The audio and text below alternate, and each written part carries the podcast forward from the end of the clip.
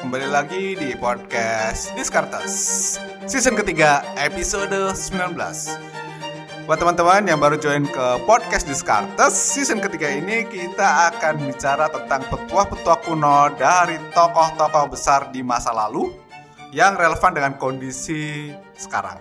Tentu ditambahkan dengan opini dari gua sendiri pada episode kali ini, gue akan ngomongin salah satu life skill yang harus dimiliki oleh setiap orang ketika menghadapi kebangkrutan.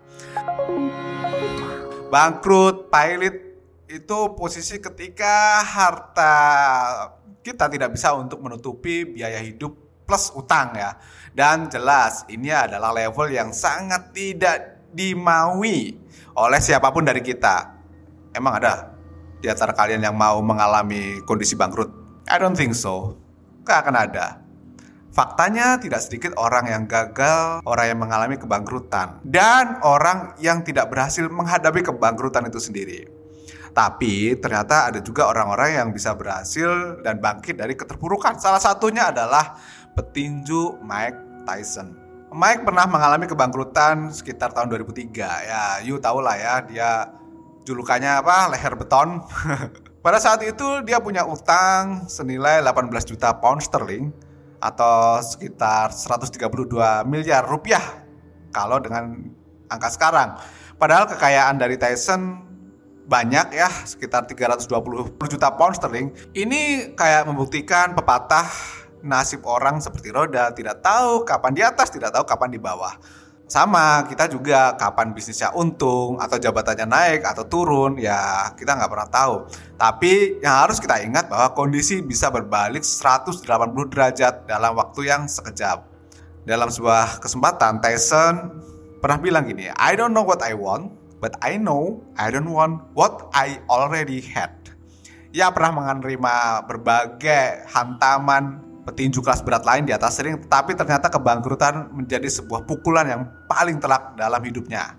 Beban yang ditanggung oleh orang yang berangkat dari tidak memiliki apa-apa lalu berjuang untuk sukses jelas beda dengan orang yang pernah memiliki segalanya terus tiba-tiba uang tersebut hilang dan mencoba untuk naik lagi. Itu yang dialami Tyson.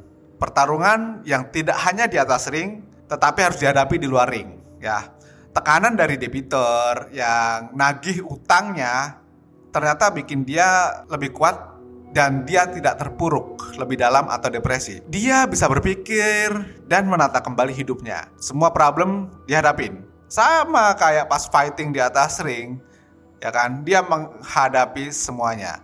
Dalam tinju kalau Yusuka ada istilahnya double cover ya ketika dua buah tangan nutupin wajah untuk mengurangi efek pukulan ya dengan tubuh yang membungkuk terus siap-siap untuk melakukan uppercut.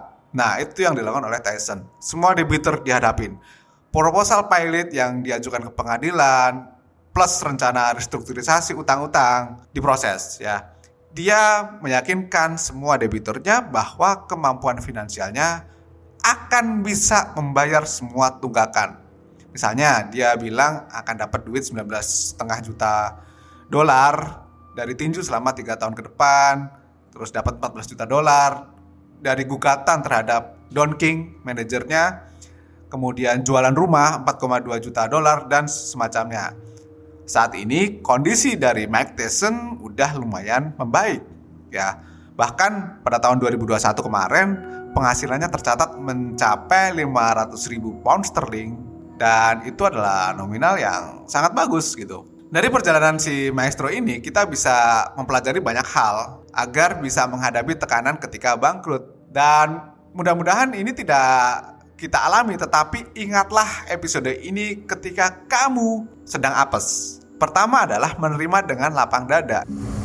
Ini memang klise, tapi kenyataan harus dihadapi dengan lapang dada. Bukan artinya kamu menjadi terpuruk bukan artinya kamu menjadi nggak ngerti mau ngapain-ngapain lagi. Tetap usaha tetapi diterima kenyataannya. Yang kedua adalah kita identifikasi penyebabnya.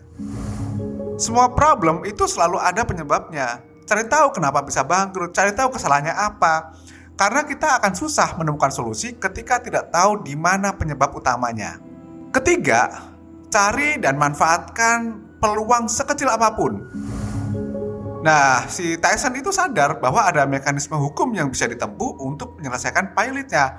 Dan kondisi ini tidak bisa kita ambil ketika kita tidak bisa berpikir jernih dan positif.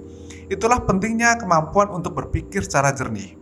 Kalau teman-teman mengalaminya, ingat pesan gua bahwa seberat apa pun problem, otak kita harus tetap dingin dan jernih. Keempat adalah beradaptasi dengan perubahan menjalani hidup ketika sukses jelas beda dengan ketika ada problem keuangan. Ya harus berhemat, mengencangkan ikat pinggang, biasanya makan di restoran harus mau di warteg dan lain sebagainya. Suka nggak suka, you harus terbiasa dan you harus mau.